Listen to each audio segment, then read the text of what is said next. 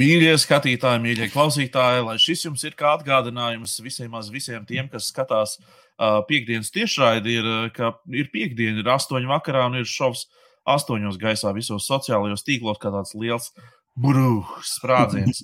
Savukārt, uh, tie, kas mūs skatās uh, televizorā, ir pilnīgi droši, ka ir sestdiena, ir kaut kur pēc uh, pusdesmitiem. Uh, Uh, nē, jā, pusdesmitiem. Pareizi. Varētu būt. Tas man nav nejausmas īstenībā. Man liekas, ka mūsu vārdi vēl kaut kādā naktī, kaut kur, kaut kur rāda naktīs. Kaut kādās kabeļu televizoros, kaut kur kas ir. Var sakot, šovs mm -hmm. astoņos uh, ir gudru pļāpu šovs uh, ar Eglītu un Petersonu.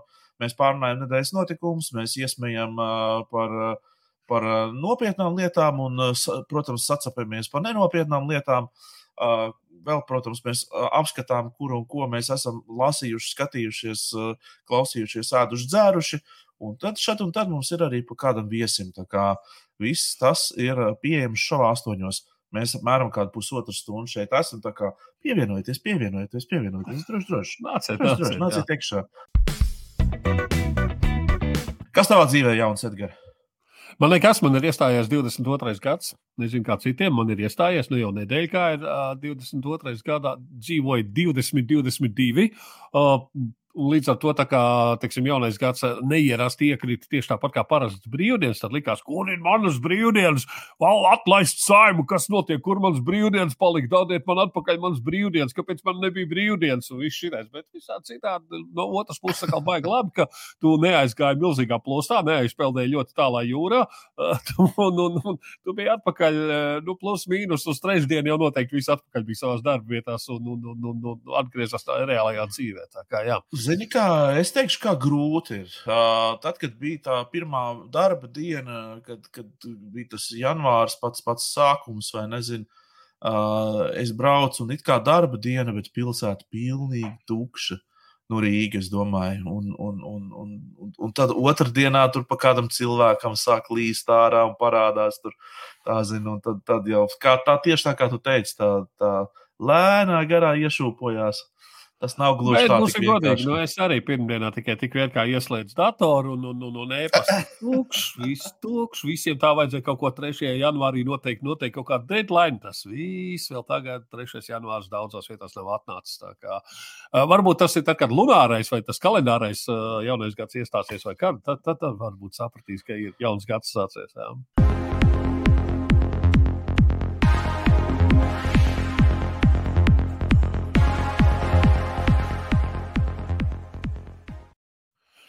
Nu, bez vis tā, ka ir iestājies jauns gads, mums ir atkal pagarināts termiņš, ar ko arī apsveicu sevi, tevi un oh, visus. Mums, mums ir atkal pagarināts oh, termiņš. Eh, situācija, teiksim, tā, tā, nu jau ir jāsaka, tā situācija ar lielo burtu.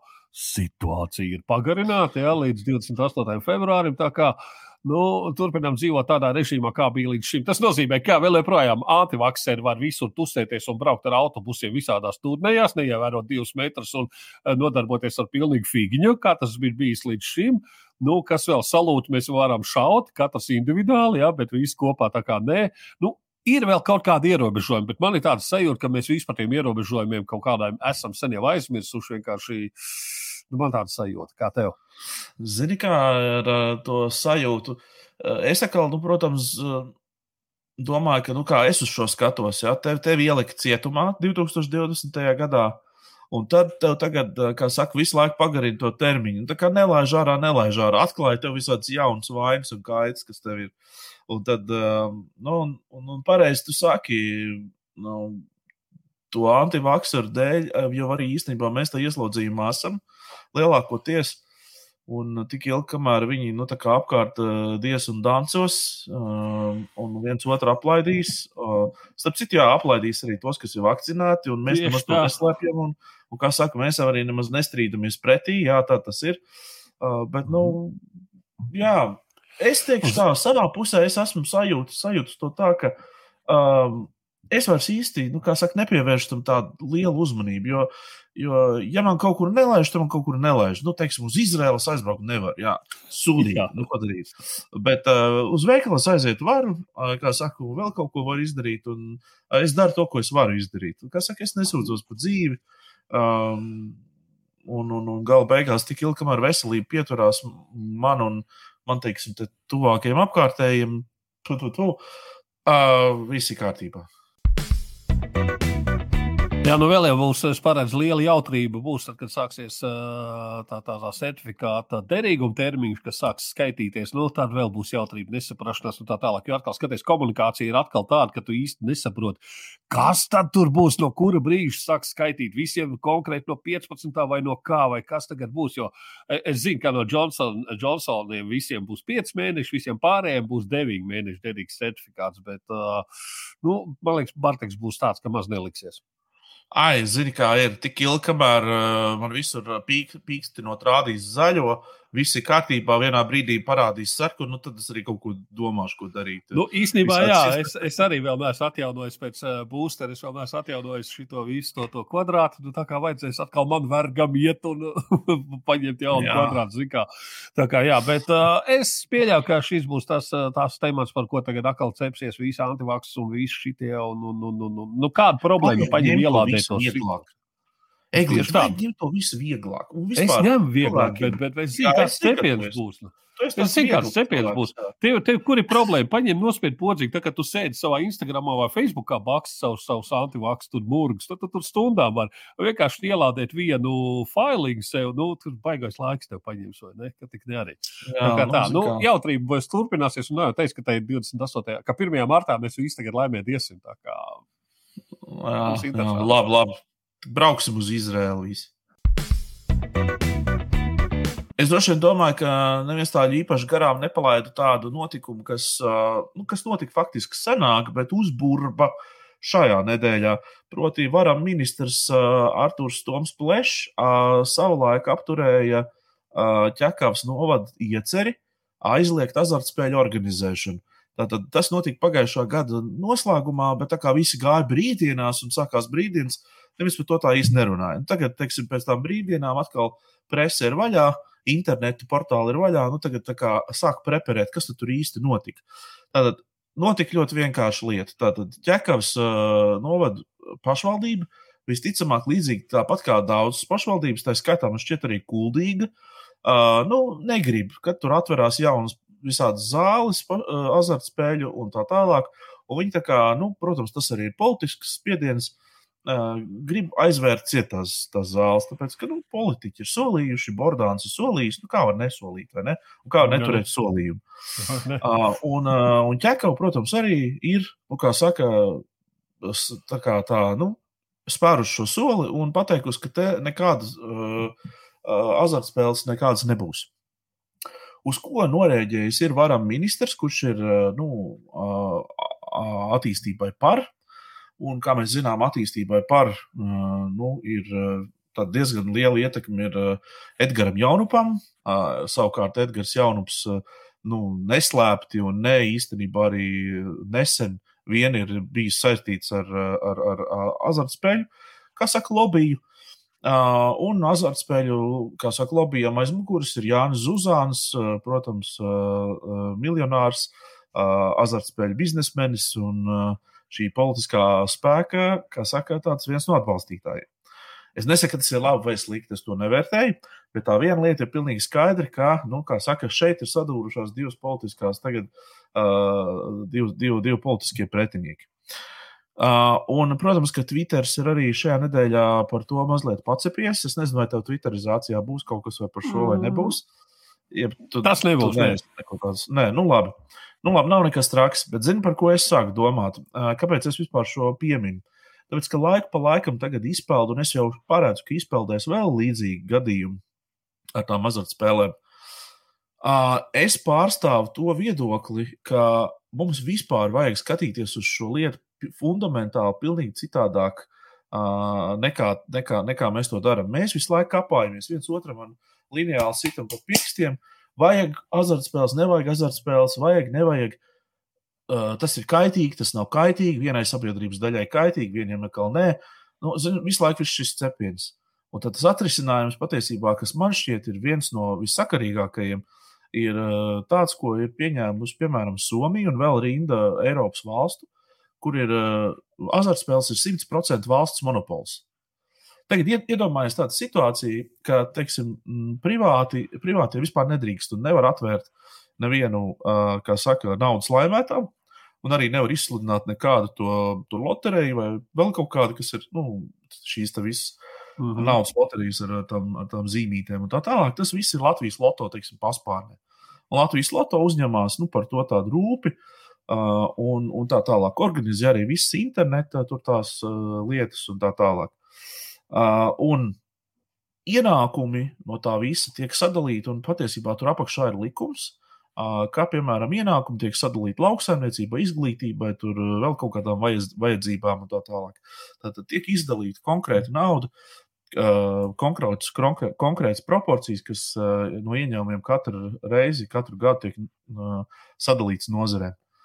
Um, Protams, kā vienmēr būs stāsts par, eh, par, par, par atkarīgajiem, protams, vienmēr būs stāsts par nelegālajām spēļu zālēm, bet tad atkal uh, no šīs naudas, kas tiek iekasēta, atkal viena, uh, viena uh, nozīmīga daļa tiek atvēlēta, lai šo apkarotu.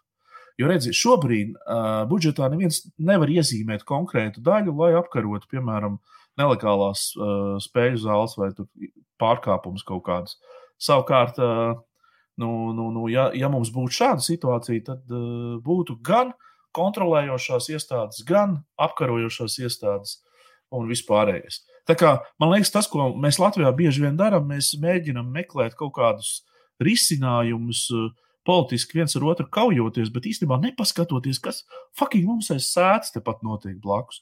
Tepat blakus īstenībā ir sakārtota lieta, sakārtots, sakārtota nozara, un tā ir daudz kur Eiropā. Nu, kur ir problēma? Parunāsim par izklaidēm, parunāsim par koncertiem. Tā kā koncerts mums apmeklē tagad tā švakāk, mazliet sanāk, un tā, tā kā ir, tā ir. Tāda Latvijas televīzija dara labu lietu, ik pa brīdim parāda kādu lielisku koncertu. Un tas nekas 20 vai vairāk gadus vecs, tas it kā nebūtu nekas, jo labam koncertam jau it kā nav noilguma. Stulbākais ir tas, ka to tulko.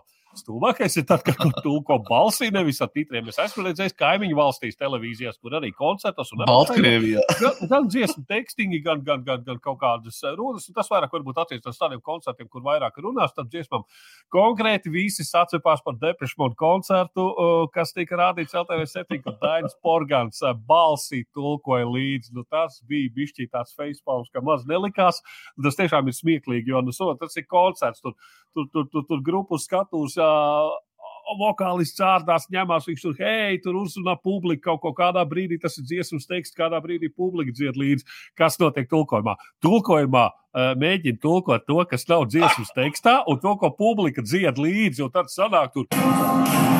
Viss, ko esmu vēlējies, viss, ko man vajag, ir te manās rokās. Vārdi ir lieki un nevajadzīgi. Tie var tikai kaitēt. Es neesmu redzējis šo, bet tas izklausās, labs, es... tas izklausās pēc kaut kāda ķēbu šova. Nu, reāli. Tas vies. izklausās reāli pēc ķēbu šova. Un, zikā, un, un, un, un cilvēki tad, tad, to bija pamanījuši. Labi, viens otrs pasmējās, bet tad sāk atcerēties, ka iepriekšējā dienā Tīnas Stērnes koncertā bija tieši tāda pati situācija. Vēl kaut kad es arī atceros, ka es esmu redzējis YouTube koncertus Latvijas televīzijas 7. Tieši tā pati situācija. Hei, hei paldies! Jums, sveiki! Viņam laikam likums uzliek par pienākumu. Jā, bet balsī tev ir jātulko. Es nezinu, tad Porgans varēja arī padziedāt līdzi. Nu, ko tad dublējam, tad dublējam pa pilnu koncertu. Ko tad? Lai, bono, lai viņš dzied Bono Ārijas, lai viņš dzied Depešmodu dziesmas, un nezinu, tu, lai paņem kaut kādu lienu šomas vai kas ir tur, tur, tur, tur lai dzied tīnas tērnēs partijas. Nu, lai, ja tulko, tad tulko. Kāpēc nevar ar tītriem apakšā, ja tas valsts valodas likums ir uh, tāds, ja tur tādi noteikumi ir. Un tad Latvijas un Zikā, un tas sociālos tīklos tīklos baigi pamatīgi izskanēja. Un uh, Latvijas televīzijas pārstāvja arī sniedz paskaidrojumus, ka jā, nu tā, un turpmāk mēs vairāk pievērsīsim šim uzmanību, un turpmāk koncertos un līdz nedziedāsim, jā, bet liksim tītrus apakšā. Nu, tā kā civilizētā pasaulē. Man liekas, nu. ka vienkārši tā, tā, tā patapība, klausība, katram tam, viņi saprot, tu, tu, to likums ir uzrakstīts, un tev ir likums kaut ko nosaka, un tu vienkārši neņem prātā to saucamo veselo saprātu. Ir, ir veselais saprāts arī cilvēkam dots. Un tad ir no, nu, vienkārši, jā. jā, ir likums par valsts valodu, nav problēma. Bet tā kā Eglīts nu pat teica, uh, dziesma, tā ir dziesma. tas nav. Tas, tas nav teksts, ja? vienkārši parasts teksts. Tā ir dziesma, kurā iespējams ir ļoti savāds tulkojums, ja tu viņu pārtulko viens pret vienu, kas tā var Jā. būt. Ja? Uh, Richard un Touchfade. Tā ir dzēļa patiesībā. Jā, nu kaut kā tam līdzīga. Viņš nu. tā netulko. Un, uh, un gala beigās uh, sanāk vienkārši tāds, tād, tād pašiem par sevi tā pasmīties un pa, pa, pamuļķoties. Un tā. Un, zin, kā, nu, kā? Un, un kaut kādā brīdī tu esi aizmirsis, un tu klausies to dziesmu, ir DM dziesma, tur Black Celebration, un uh, viņi tur dzied, let's have a black celebration, un tur dzied to piedziedājumu tā tālāk, un tā vienā brīdī viņš ļauj publikai dziedāt, un pēkšņi porgāns ieslēdzās. Melnā svinēšana, ne, kā viņš to tilkoja. Tur, Melnās svinības. Melnās svinības šonakt, melnās svinības. Tur domā, kas notiek? Kas tas, tas izklausās pēc tā piedzērušā kaimiņa, ja kaut kur, kurš pēkšņi pus, pusdziesmā pieslēdzās, jā, o, kaut ko mēģina līdzi dziedāt. Nu, kā, tas, tas bija skaisti. Jā, visiem iesaku pameklēt arhīvos, tagad, kamēr vēl ir iespējams, dažas dienas vēl ir, pa, paskatīties, nu, jo kāpēc ir interesanti. Jā. Tikai nebrīnīties ne par ko, esmu brīdinājis. Vai tu Eģiņš esi redzējis, sāksim ar to, vai tu esi redzējis klipu, uh, kur uh, pļaviņš, memorija ūdens uh, ir uzvilcis senā uh, zemgaļa tērpu un ar zobenu iet pāri sniegotam laukam un vāc kopā brigādi. Uh, kur kalnā viss satavušies rokās, iet aplītīt. Tu, tu, tu, tu redzēji, kur viņi kalnā aplītīt un mīņājās pa trīs. Jā, jā, paiet, tā, jā, jā, jā. Tajā brīdī es laidu, galā, nu, laidu vaļā reāli rēcienu, jo tas bija jā, ļoti jā. smieklīgi. Cik, cik, cik smieklīgi, es tā domāju, tāds, kā, tāds, tāds riktīgais, nu, tas, tas, tāds, tas, tas bijušais satversmes aizsardzības birojas, tas iz, izsitējis, tas uzņēmējs, tāds Arnolds Bābis. jā, jā, jā, jā, jā, jā, jā, tā, nu, tāda reāli, tāda, tāda, viņam ir tāda, kā saka, tāda kārtīga drošības dienestnieka seja tāda, ja? Un viņš ir ietērpies tautas starpā kaut kādā, nu tādā, nu, ka tu, nu tā kā, nu, gandrīz noticēji viņam. Gandrīz noticēji.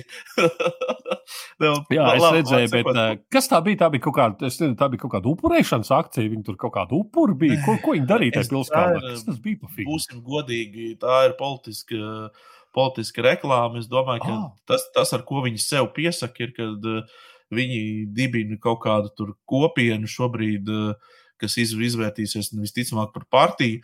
Un man ir kaut kādas tādas aizdomas, ka šis jau ir trešais tūdaļiņa pasākums. Tā tad ir Šlesera pasākums, ir Gobzem pasākums, un tagad būs uh, brīvvalsts pasākums. Tā kā nu, es domāju, ka trešie, mums piešķiļās trešie tūdaļiņi, kārtie 0,5% savācēji. Uh, bet nu, vienkārši pats process ir interesants un jautrs. Un, uh, protams, ka es nevarēju atturēties un, kā saka, neieskatoties arī mūsu uh, drauga Toma Lūša, uh, kā saka, šajos te uh, spriedumos. spriedumos. Un kur viņš vienkārši arī nu, saka, nu jā, nu, mēs, kā saka, CEXLV ir iesaistījies brīvvalsts uh, izveidē, un tagad mēs publicējam satversmes uzmetumu. Un tad dažas no tām lietām man likās ļoti vienkārši tādas nu, patiesas un labas un tādas, ka, piemēram, uh, brīvvalstī tiek atcelts mutes laucīšana, mutes laucīšana pēc ēšanas. Vai, piemēram, brīvvalsts aizsardzības budžets tiks atvēlēts tērvets pilskalnu baļķu stiprināšanai, kā arī katra iedzīvotāja apgādāšanai ar zobinu, zobinu un bilnu. Jā, vai, piemēram, piemēram brīvvalsti, brīvvalsti nav nepareizi rakstīt un izrunāt kā brīvvalsti. Tā kā nu, var arī tā, brīvvalsts arī ir ok.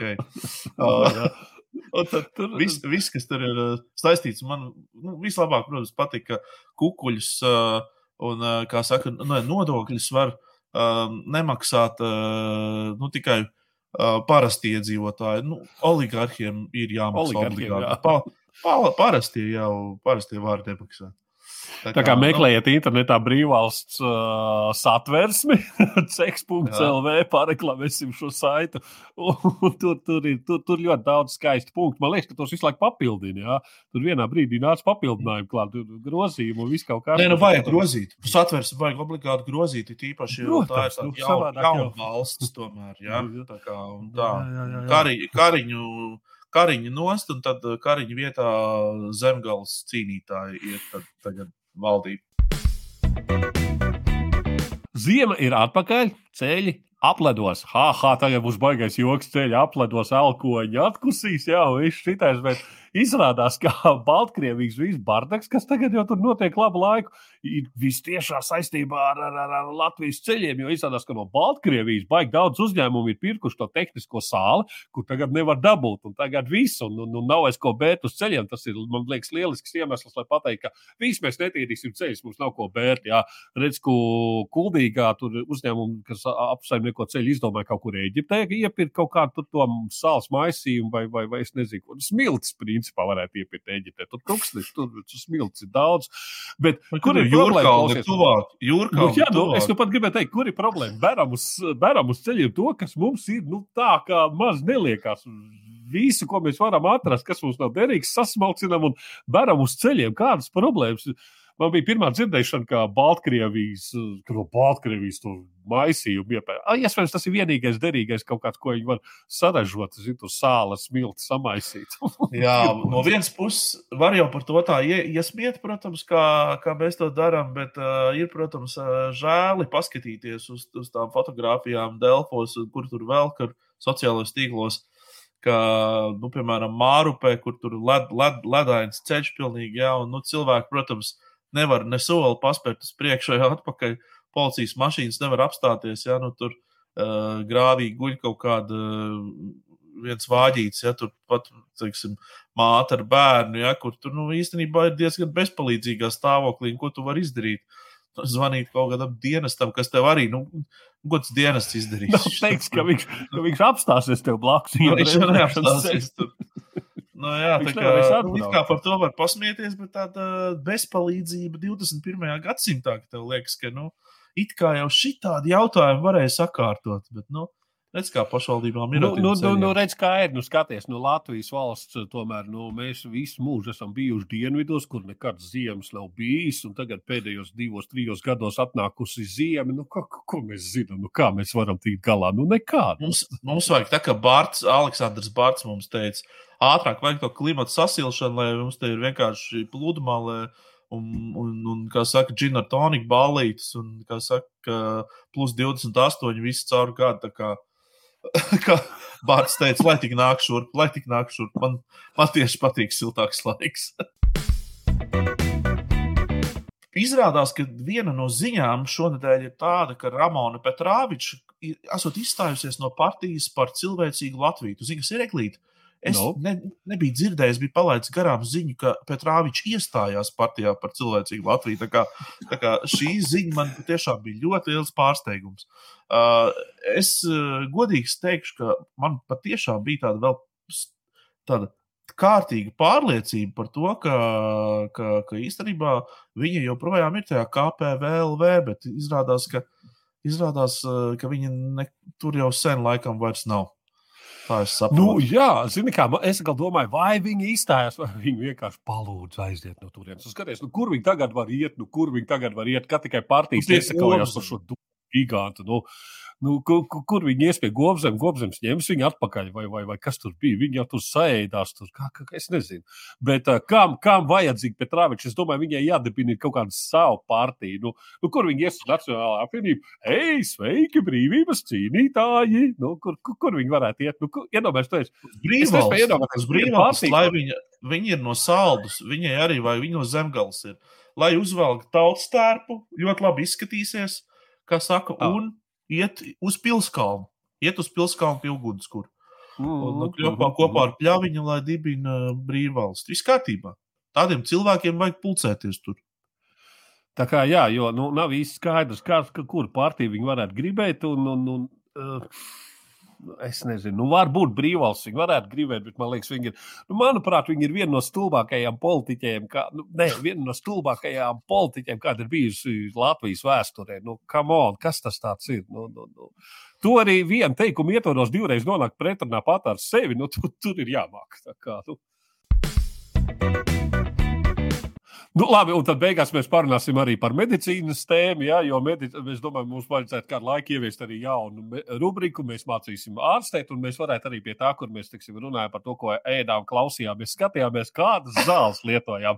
Bet tas ar vecumu būs neizglābjams. Tā kā ja mēs vēl par kādu desmit gadu šo visu darīsim, tad tas būs neizglābjams. Bet, uh, ok, uh, bēdīgs, slavenais superdoktors, tas imunologs, kurš grābstījās gar sievietēm, kuram ir uh, aptuveni 20 pacientus, kurus jau ir ir pateikuši, jā, viņš nepieņemami ir uzvedies, tā reāli ir seksuāla uzmākšanās un tā tālāk.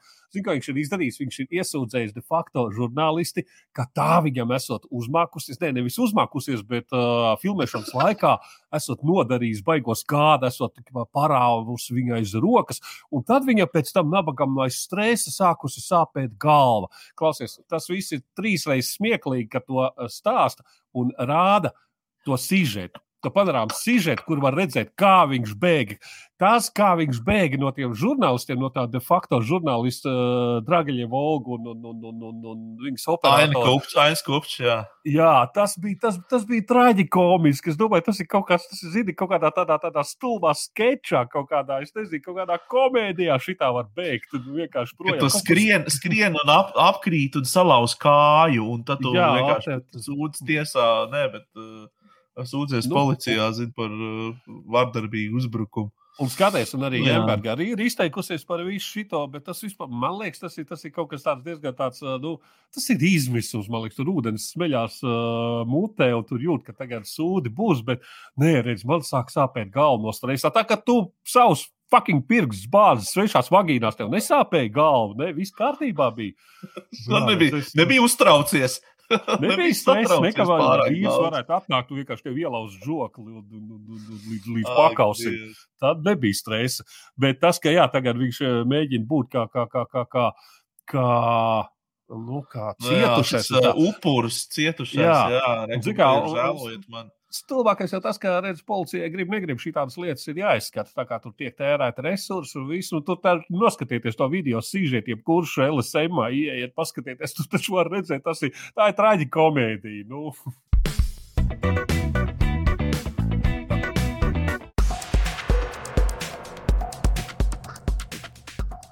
Klau, Krista, tagad es tev vaicāšu. Hmm, Vai diena pēc arī šogad būs? Un tev pēc labākajām tradīcijām jāatbild tā, ka galīgi nesamāksloti. Mmm, cik labi, ka tu pajautāji. Negaidīts jautājums. Pilnīgi negaidīts Jā. jautājums. Jā, būs gan, būs gan, un būs visādi interesanti pārsteigumi. Mēs jau, kā saka, ceļam, ceļam uh, sapņu pīlis, un es ceru, ka kaut kas no tām sapņu pilīm arī piepildīsies un būs uh, redzams ēteros. Oskars jau šo to, man liekas, izstāstīja pagājušajā gada noslēguma epizodē, kad mēs tikāmies. Uh, nu, kas, ka, kas tā kā sagaida dienu pēc, bet, uh, bet nu, galvenais, ko mēs varam apsolīt, ir, ka katru pirmdienu viena oriģināla sērija, viena oriģināla saruna patiešām būs.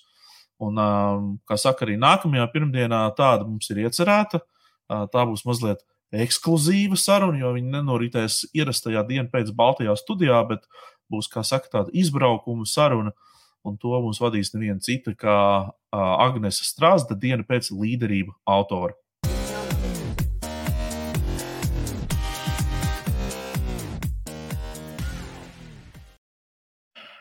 Nu, čau, Agnēs, jaunajā gadā. Čau! čau. Priecīgu, Jā. laimīgu, un tā tālāk, un tā tālāk, un tā tālāk. Jā, visu gadu garumā. Tas nekad neapnīk, vai ne? Katru gadu mēs novēlam viens otram laimīgu jauno gadu. Un gaidām, un gaidām, un gaidām, un gaidām to veiksmu. Kā klājās?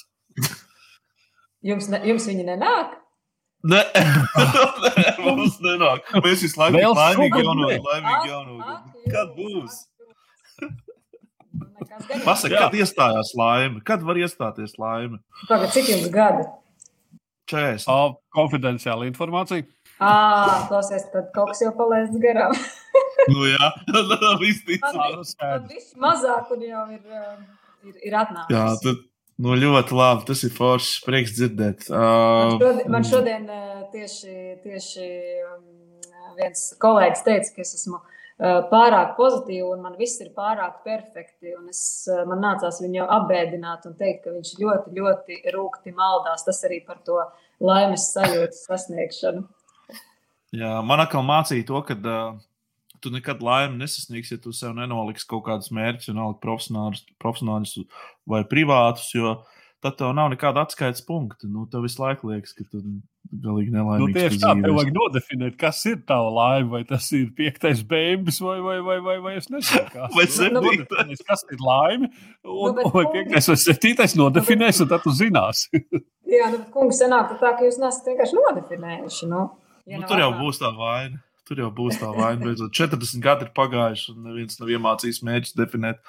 Uh, bet um, es saprotu, ka līderība jau arī ir par un ap uh, kaut kādu mērķu nospraušanu, vai ne? Un, uh, un, un tam sekošanu, un, galvenais uh, citu cilvēku virzīšanu uz šiem visiem mērķiem. Uh, un uh, mums ir ļoti liels prieks, ka tev ir izdevusies viena skaista, ekskluzīva saruna ārpus diena pēc uh, ierastām telpām un studijas Baltās. Un tu biji viesos kaut kur izstāst, kur tu biji. Nu, pirmkārt, paldies, ka man bija iespēja iz, iziet no studijas ārā nedaudz. Ja. Mēs tev izlaidām. Jā, tā kā no krāteņa, paldies par to liels. Un patiesībā man liekas, ka tas bija ļoti, ļoti labi, jo es saprotu, ka es drīkstu teikt, kur es biju ciemos. Ja? Protams, jā, droši uz priekšu. Nu, jā. Tad man bija iespēja būt konferencē Cēsīs, kur es biju uzaicināta kā runātājs par komunikāciju pārmaiņu laikā. Un, faktiski tajā mirklī sapratu, ka mans viens no ilgi gaidītākajiem viesiem līderības sadaļā bija tieši Cēsu pilsētas vadītājs. Jānis Rozenbergs, un tad man šķita, ka kur vēl labāk, ja Cēsīs viņu arī satikt un Uh, uzrunāt par šiem līderības jautājumiem. Un, faktiski ar deviņu, ar deviņu minūšu intervālu es beidzu interviju ar Jāni viņa, viņa darba telpās. Un pārspēju pāris, paskrēju pāris metrus līdz cēsu koncertu zālē un kāpu uz skatuves konferencē par komunikāciju pārmaiņu laikā. Jā, tā kā wow. Jānis būs mans sarunu biedrs. Ļoti labi. Uh, es es uh, saprotu, nu, var, es varu saprast, kas ir līderis uzņēmumā. Man, man, man tāds priekšstats var, var, var būt, bet uh, nu, kā, Jāņa amats jau ir tāds uh, drusku jau tā kā politisks amats. Ne drusku, bet ir īstenībā politisks amats. Un līderis politikā, vai tu pat par to kādreiz esi domājusi, un kā, vai, vai ir kāda atšķirība starp līderu biznesā un līderu politikā? Mm -hmm. um. Es atzīšos um, tajā mirklī, kad es liku kopā šos um, viesus savus un, un plānoju, kā es viņus gribu uzrunāt. Man kaut kādā pirmajā mirklī bija tāda sajūta, ka nē, es gribu pārsvarā runāt tikai ar uh, biznesa līderiem. Tāpēc ka, nu, tā sajūta, ka jā, tev ir, tev ir uh, atbildība par uh, kādu konkrētu biznesa rezultātu, jo mēs tā kā mēdzam diskutēt, ja, ka ka, ka politikā un valsts pārvaldē mums liekas, ka tas ir tāds nebeidzams, reizēm pat var būt, izklausīties kritiski, bet nu, tāds eh, kaut kur maz rezultatīvs process, jā, jo mums liekas, ka tas prasa ļoti daudz laika, un nevienmēr visa sabiedrība ir apmierināta ar to rezultātu. Jā, un biznesā liekas, ka, ka tu daudz konkrētāk vari sava, sava klienta intereses iz, izpētīt un izzināt. Bet es uh, patiesībā ļoti mainīju viedokli tajā mirklī, kad es sāku darbu, nu, gan terminētu darbu vakcinācijas birojā, kur es redzēju, mhm. cik liela loma labai pārvaldībai, labai nu, tādai politiskai un arī administratīvai vadībai, valsts pārvaldē ir uh, labu, kvalitatīvu lēmumu pieņemšanā. Un uh, kaut kā to savu skarbo vai ļoti kategorisko priekšstatu par, par to, ka nē, nē, valsts pārvaldes un politiskajiem līderiem es nomainīju. Un jāatzīst, ka manā sarakstā ir vēl viens, vēl viens politiskais līderis, ko es ceru kādu dienu arī uzaicināt uz studiju, bet šobrīd tas bija Jānis. Un man jāatzīst, ka tā saruna bija ļoti, ļoti. Man, man liekas, ka es vienā brīdī runāju ar, ar uzņēmēju cilvēku. Jā, jā, jā, jā.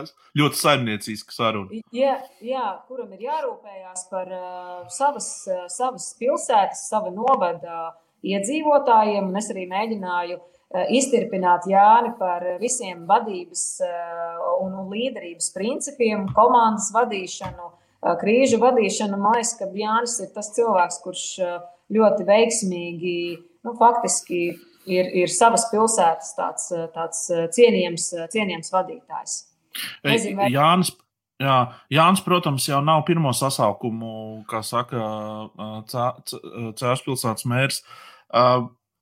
Kā tu, ko tu teiktu, kas ir tas viņa līderības, tas, tas, tas, tas moments, tā, tā, tā patikšana, tas, tas, ka cilvēkiem viņš patīk un ka viņu, kā saka, labi ieredz tajā amatā?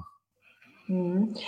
Um, nu, man liekas, ka viņš ir ļoti vienkāršs, ļoti mm. nu, tāds, um, es pat teiktu, empātisks, lai gan arī ļoti prasīgs kā vadītājs. Ja? Bet vēl viena lieta, kas man šķiet ļoti, ļoti būtiska, viņš ir pilsētā un vietā, kuru viņš ļoti mīl un ciena. Un man šķiet, ka tajā vadības un līderības aspektā tā, nu, šajā gadījumā tā bija pilsēta, iedzīvotāji, ja, bet, nu, ja mēs runātu par biznesu, tas būtu tavs kolektīvs, tavs produkts, tās lietas, kuras tu, kuras tu radi. Man šķiet, ka tā ārkārtīgi lielā mīlestība un vēlme palīdzēt cēsu novada iedzīvotājiem un radīt to vietu un vidi izcilu, lai cilvēki gribētu tur palikt un, un dzīvot tur ģimenēm un dzīvot gadu desmitiem un, un, un, un iespējams, ka gadsimtiem, jā, tas, tas viņā ļoti, ļoti strāvoja. Man liekas, ka viņš arī izjūt lielu tādu atbildību par šo pilsētu un par šo vietu, ņemot vērā, ka arī viņa senči ir nākuši no turienes. Ja, tātad šī, šī ilgspējīga, tāda ilgspējīga pilsētas attīstība ir viņa, nu, viņa sirds darbs. Un, ja tu dari lietas, kas ir tavas sirds lietas, tad uh, Nu, tikai retu reizi viņas neizdodas. Nu jā, Edgars, tev ir ko pajautāt?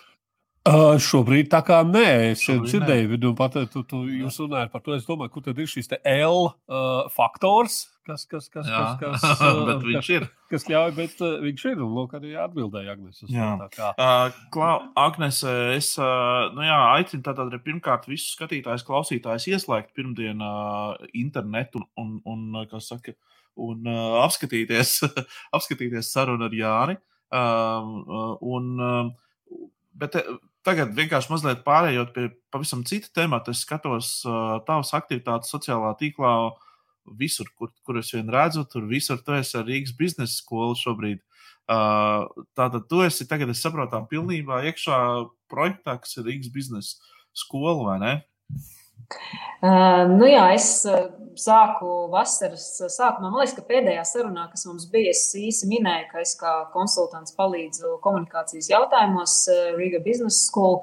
Un šobrīd nu, skolas, skolas vadības komanda aicināja mani uz noteiktu laiku uh, faktiski labprāt redzētu mani ilgāk, bet eh, es eh, šobrīd, jā, es esmu uz noteiktu laiku piekritusi vadīt eh, komunikāciju un, un mārketingu Riga Business School.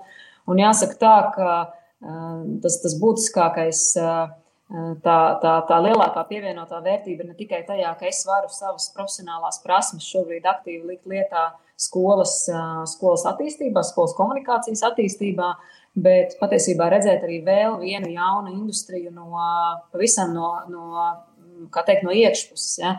Man ir bijusi diezgan gara, gara pieredze finanšu sektorā, ilgus gadus strādājot.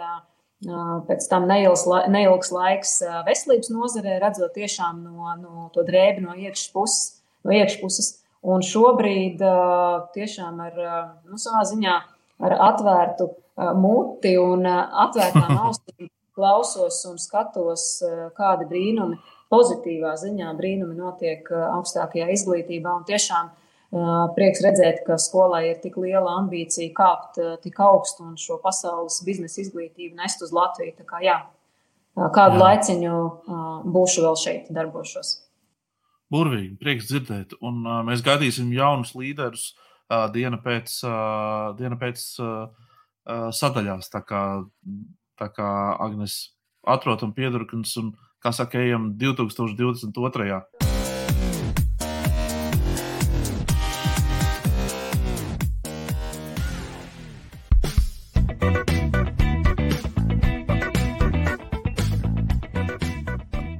Un arī Twitteris, protams, nekur nav saka, beidzies. Visi laimīgos jaunos gadus ir novēlējuši viens otram, visi ir savus rostolu bļodus un atrādījuši. Atrādījuši, tā kā varam atgriezties plus mīnus normālajā Twitter dzīvē. Sākam, puisis uzvalkā, saka, kaimiņu ģimenei notika brīnums. Levita uzrunas laikā piecēlās paralizētais vectēvs un izslēdza televizoru. Jā, starp citu, man starp citu bija tā doma un ideja, varbūt, ka varētu mēs uh, uh, pāanalizēt mazliet to kariņu un levita runas, bet tad es sapratu, ka mēs esam tik tālu, pārāk tālu no, no, no jaunā gada, ka, nu, nu nafīgi, nē, citreiz. Pagaidīsim nākamo gadu. Atecina saka, ja vecajā gadā aizkrīt smadzenes un sanāk tā salīlāties, ka trīs dienas lāga neko nevar apēst, tad ceturtajā jaunā gada dienā, uzkāpjot uz svariem, tie rāda pirms pandēmijas ciparus. Ņemiet vērā, lifehacks noderēs. Ofēlijas spektore. Īpaša vieta LE ir suņu saimniekiem, kas brīžos, kad suns skrien virsū un aprēķina garām gājējis nevis vārds suns, bet priecīgi uzsāc, viņš mīļš, viņš nekoš. Ofēlija, es esmu tīm tavā pusē. Es arī šo nesaprotu. Es... viņš viņš, viņš nekoš. Nāc paglaud viņu. Jā, jā tu tāds atņemtiem zobiem. Ponija lielumā tev teļš tāds nesās virsū. Tur nu, viņš nekoš, jā. Viņam vēl zobs starpās iepriekšējā tam, kas viņu paglaudīja, tur kaut kādas ķeskas karājās. Nē, nebūs. Inga Knipinska Mm, vai te ir kāds labs cilvēks, kurš dzīvo netālu no miera ielas un kurš būtu gatavs uz brīvdienām, uz brīvdienām aizdot savu portatīvo tumbiņu? Man vajag kaimiņienei, jau mūzikas skolotāji, nodemonstrēt, ko es domāju par tām ārijām. Nu, tik, nu, tik, uh, tikai tik, lai viņi apjauš, cik labi skan. Un viņai atbild Anita Kiseļa, viņa saka, es tev varu aizdot savus bērnus. Sēdies Bižāns, gadsimta darījums eh, gada sākumā. Mazliet to televizoru kādam nevajag, un tālāk reklāmas divas kādēmi, IES, USB, audio inputi līdz nakpults. Vienīgā nelaime pēc bildes spriežot tam televizoram, kaut kas tev lēgu, viņš tā kā mazliet tik sadauzīts. Ir. Uz ko Dzels saka, novembrī būtu paņēmis, un Sergejs Dzelzim atbild, Gobzems arī tā teica. Toms, vienkārši Toms, kas notiek ar visiem tiem gada dzīvniekiem un putniem? Viņiem piešķir valsts finansējumu uz to gadu. Jā, noteikti. Nešauju viņus tajā laikā, tajā laikā. Ants Tarvina. Twitter esence bija tajā brīdī, kad Jurgis Liepnieks izdomāja uzpīpēt spaisu un taisīja par to tvītu pavadienu. Pietrūkst tie laiki. Ansei pietrūkst. Un Jurgis Liepnieks saka, man arī. Ļoti īsi un konkrēti īsi un konkrēti. Linda Skuja papildinu Mendeļēju tabulu ar jaunu elementu puņķīs, PN. Es, kā es nebiju aizdomājies jau ziemas sākumā tam līdz šim. Un vēl Lapa Gurgona saka, The Feminine Urge apstādināt mūziku, ko klausies austiņās, kad mūzikas fonā dzirdi, kā sabiedriskajā transportā Omi strīdās par to, kura sēdēs abu noskatītajā vietā. Baiba. Ja kādreiz dzīvē uznāks pārdomas par to, ka dzīvē neko neesmu sasniegusi, vienmēr varēšu atcerēties, ka manas ģimenes dēļ apakšējie kaimiņi pārdod savu nesen iegādāto dzīvokli. Oho! Tas ir zināms. Ir, ir sasniegumi. Tas viss šajā reizē, šī gada pirmajā twitterizācijā. Nu, tas brīdis ir klāts. Arī šogad mēs turpinām gan visu kaut ko klausīties, gan visu kaut ko skatīties, gan visu kaut ko lasīt. Gan mēs esam beidzot sākuši ēst un dzert. Beidzot, ja nu kāds nepamanīja, vai ne? Iepriekš mēs to nedarījām. Iepriekš mēs to nedarījām, vai ne? Vispār mēs šajā sadaļā ar laiku parunāsim par dažādām, visādām priecīgām lietām, nu, visādiem piedzīvojumiem Jā. un tā tālāk. Tā. Klausies, tā kā... Eglīt, klausies, Eglīt. Tev nešķiet, ka mēs vienkārši divi tādi, kā saka, uh, Uh, vienkārši tādas divas sēnes sēžam, un, un kā saka, mums ir tāds savs viedoklis par to, ko vajadzētu cilvēkiem lasīt, klausīties. Mums vajadzētu arī kādu sievišķu pusi šeit, vai ne? Tā tā nešķiet. Mēs jau esam to pieminējuši, un dāmas un kungi, viņi ir klāti.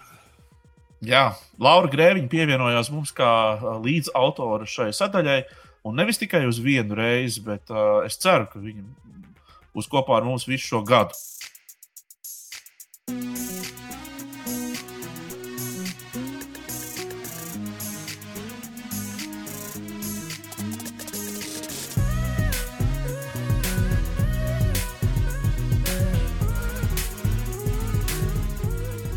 Nu, lūk, ir arī mūsu jaunais formāts. Uh, tas vairs nav klausies, skaties un lasi. Tas tagad būs mazliet plašāks.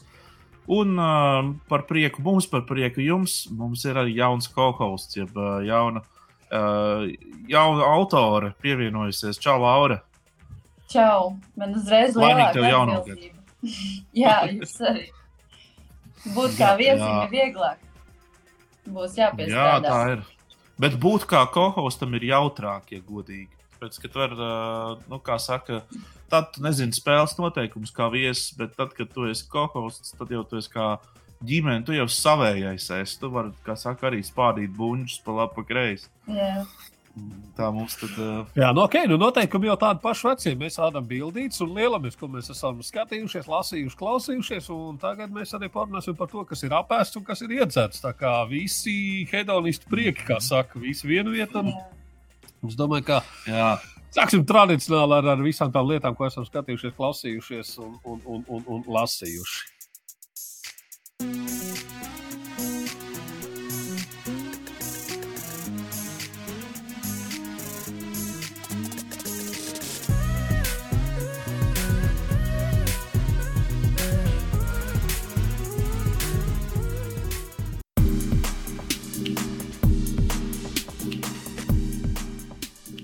Nu, tad sāksim ar skatām vielu. Kas ved savu, jo tas par to runā. Un es saprotu, ka mēs sākam ar lietām, mēs atrodamies no 21. gada. Teikšu, godīgi, es kaut kādu iemeslu pēc vēl neesmu to paspējis noskatīties. Tā kā vārds jums. À, tad mēs esam divi šo redzējuši. Ja? Nu, mm -hmm. Es teikšu tā, ka man šis nepatika tik ļoti kā iepriekšējā gadā atskats, kad bija Dead 2020. Un skatoties šo filmu, kā viņu varētu nosaukt. Tāda tā, komēdija vai kas. Man šķita, ka vai tas tiešām ir par 2021. gadu, vai tas viss nenotika jau tā kā 2020. Un visu laiku bija tā sajūta, ka šis gads ir bijis tik drausmīgi garš tiešām, un, un kaut kā līdz galam es, es nesaprotu, ko es esmu noskatījusies. Un uh, mans galvenais secinājums ir tāds, ka Man šķiet, ka šogad šo, šo te atskatu ir aizstājusi tā filma Don't Look Up, kurai vairāk tika pievērsta uzmanība, kas principā arī parādīja to, kas ir noticis šogad, tikai nedaudz, nedaudz citādāk. Tas ir mans viedoklis. Precīzi mans sajūtas. Es uh, pievienošos Laurai tikai varbūt vēl, uh, um, kā saka, papildināšu ar to, ka ja, ja pirmajā reizē tie 20, 20, 20, 20 uh, versijā uh, man tie visi uh, tēli likās smieklīgi, un es smējos. Mm -hmm. Tiešām es smējos, es balsī smējos. Tad uh, tagad it kā ir jau smieklīgi tā, tā, tā britu kundzīte, ja, kas tur kas principā nesaprot pasauli, un, un tā amerikāņu, kas, kas tā, tā, tā skaistula, kas tur uh, iztaisās un ir antivakseri un, un, un tā tālāk. Bet nu, kaut kā es nezinu, es tā skatījos paredzami. Es ar smaidu to visu skatījos. Nu, vairs mm. nesmējos, vairs nebija tā. Bet uh, pilnīgi sajūtas ar to Don't Look Up ir viens pret viens. Okay, tā ir saprota, ka šis nekas baigi nav zaudēts, jo ne jums vienīgajiem ir sajūta, ka ir šitas, šitie divi gadi ir viens liels garš gads, tād, kas nespēja beigties. Tā kā, nu, ok, principā nav starpība, kur skaties 21. gada vai 20. gada versiju. Jā, precīzi. Okay. Nu, tad, eh, tad man jautājums, es speciāli ieliku šo seriālu. Es viņu noskatījos divās dienās, nobinžoju ātri vien. Vai jums ir kāda nojausma, kas šis ir par Jā. seriālu, vai jūs esat skatījušies? Es, ah. es esmu redzējis pirmo sezonu. Atzīšos, es noskatījos pirmo sezonu, un mm. uh, man, es nezinu, vai, tas, vai, vai, vai jālepojas vai jākaunās par to, bet man patika. Man patīk, kā okay. viņš ir uztaisīts. Man patīk, ka īstenībā uh, viss tā sajūta, bet tad es noskatījos traileru otrajai sezonai. Un es sapratu, ka es neskatīšos otro sezonu. Tev bija sajūta, ka tu skatīsies to pašu pirmo sezonu, līdzīgi kā iepriekšējā, ko mēs runājam. Mm. Mēs šobrīd runājam par Emīliju Paris abām sezonām, es saprotu. Ja? E, par, par otro. Droši vien par otro vairāk, jo tā tieši, tieši pirms Ziemassvētkiem iznāca, un es viņu noskatījos ātri vien. Un, uh, laikam man jāpiekrīt arī Twitterim, kurš jau diskutēja par to, ka galvenā varone ir diezgan kaitinoša un šo, šajā sezonā vēl izteiktāk. Un uh, tie, kas tur ir visforšākie un kuru dēļ ir vērts noskatīties, ir paši francūži un viņu tā pieeja dzīvei un attiecībām un, un, un, un Emīlijai un tam viņas uh, mīļotajiem. Viņi abi ir diezgan neizlēmīgi un tas nedaudz sāk kaitināt. Bet ļoti labs tāds skatām gabals, vieglais, kuru tad, kad negribas baigi iedziļināties, ir diezgan kvalitatīvi. Es domāju, ka Nevelti viņš ir Netflix top 10, joprojām Latvijas topā. Noteikti kaut kāda laiciņa arī būs. Es atzīšos, es neesmu redzējis, es zinu, ka Lilija Kolins ir forša meitene, bet es neesmu noskatījies nevienu sēriju. Klau, Laura, ir taisnība tā, ka, uh, nu, kā Twitterī raksta, ka, ka, ka, ka Ukrāņi vairāk ir nobažījušies par uh, vienu stulbu uh, Ukrāņu tēlu šajā seriālā, mm -hmm. nevis par iespējamo karu. Jā, tas īstenībā bija diezgan dīvaini, ka bija ielikt. Es nezinu, cik es te varu spoilot vai nē. Bet vienmēr sakot, Ukrāņieti galīgi netika parādīti tajā labākajā gaismā. Viņai bija piedāvāta tāda stereotipi uzvedībā, kas nebija labais tons. Es noteikti negribētu redzēt, ka kādu tur vai, vai krievieti vai latvieti arī tiktu tā parādīti kā no Austrum okay. Eiropas, teiksim. Un vienīgais, ko es la labais, ko es vēl varētu pateikt par šo seriālu, ņemot vērā, ka šobrīd ir aktuāls arī Just Like That, kas ir Sex and City, tā otrā versija, nevis otrā versija, bet jaunā, kurai visi pārmet to, ka ir nedaudz pārspīlēts mēģinājums iebāzt dažādību visās iespējamos veidos, un tas ir diezgan mākslīgi. Tad šajā tas ir ļoti dabīgi, un, un tur tam netiek pievērsta nekāda pastiprināta uzmanība. Tur viss notiek pats no sevis, un tas man patīk šajā seriālā. Okay. Izņemot Labi. ukrāņu joks. Izņemot ukrāņu joks. Tur noteikti par boršu joku kaut ko tādu. Ja? Par zakšanu. Okay. jā, par zakšanu. par zakšanu. Nu, labi, cerams, ka Emīlija nesatiks nevienu no, no, no, no Latvijas tās sezonās.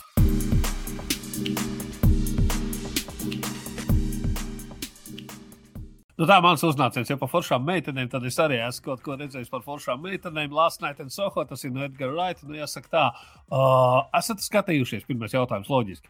Nē, ir? Nesmu. Nesat. Nu, no Edgara Wright mēs, protams, gaidām kaut ko citu. No Edgara Wright mēs gaidām Kornelo, ne, Kornelio, ne, bet Korneto saldējumu triloģiju. Tas ir Hotfoods, tas ir uh, Shaun of the Dead un kas bija trešā? Atgādina. Atgādināšu, jā, Atgādiniet, kas bija trešā filmā, sakot, ar Simonu Pegu un, un, un, un, un Niku Frostu. Tā ir trijotne. Šis ir kaut kas tāds, nu, kā jau forši. Tas ir, zin, kā ja Woody Allen to One Night in Paris saliek kopā ar, ar, ar, ar, ar Neon Demonu. Ja? Tad kaut kas tāds varētu sanākt kaut kāds ceļojuma laikā, kaut kāds vērts notikums, kaut kas tāds. Bet, nu, zini, atslēgas vārds, protams, ir Edgars Raits un Edgars Raits.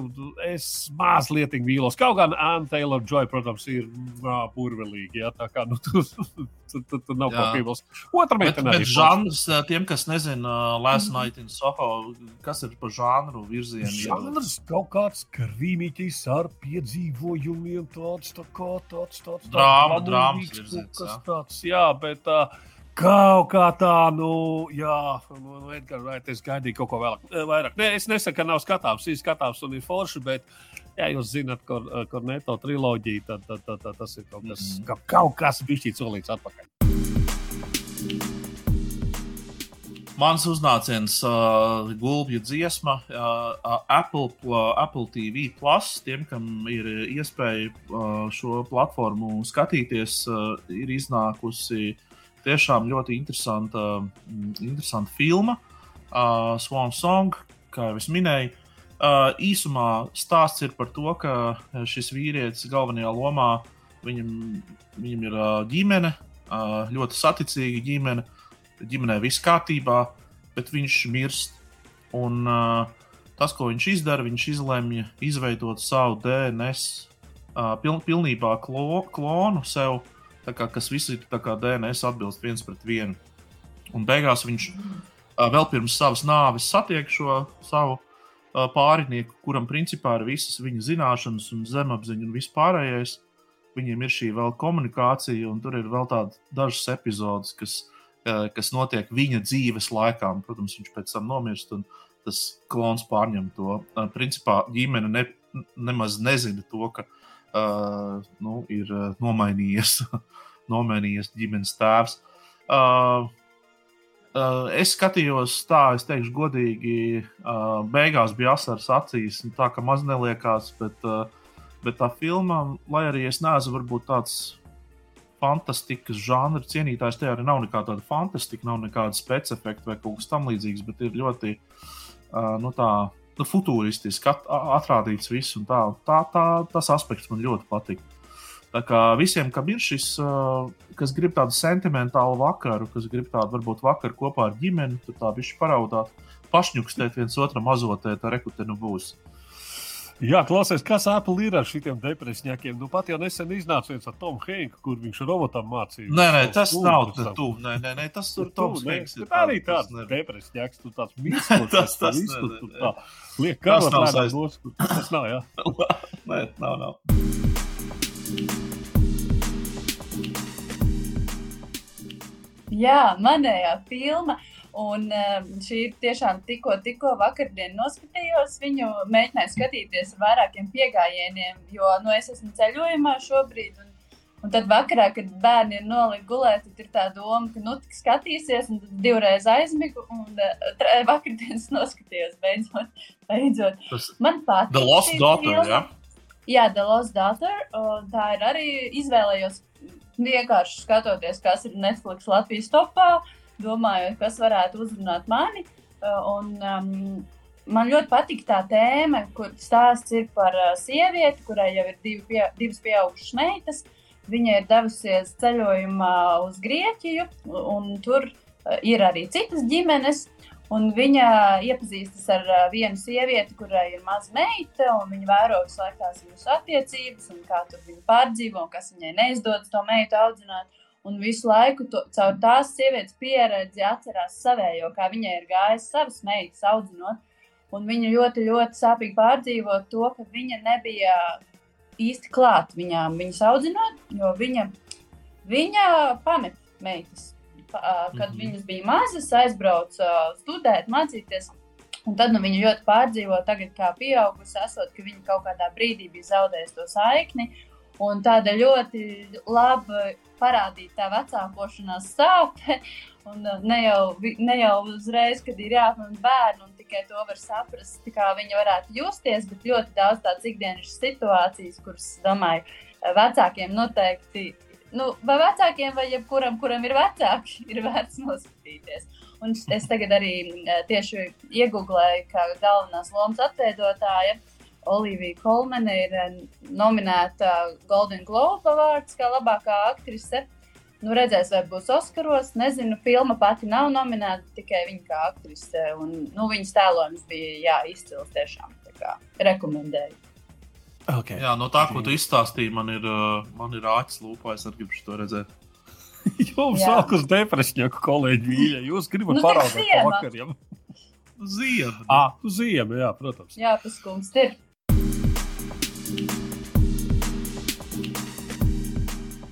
Džordžs, nu, uh, Džordž, tavs uznāciens.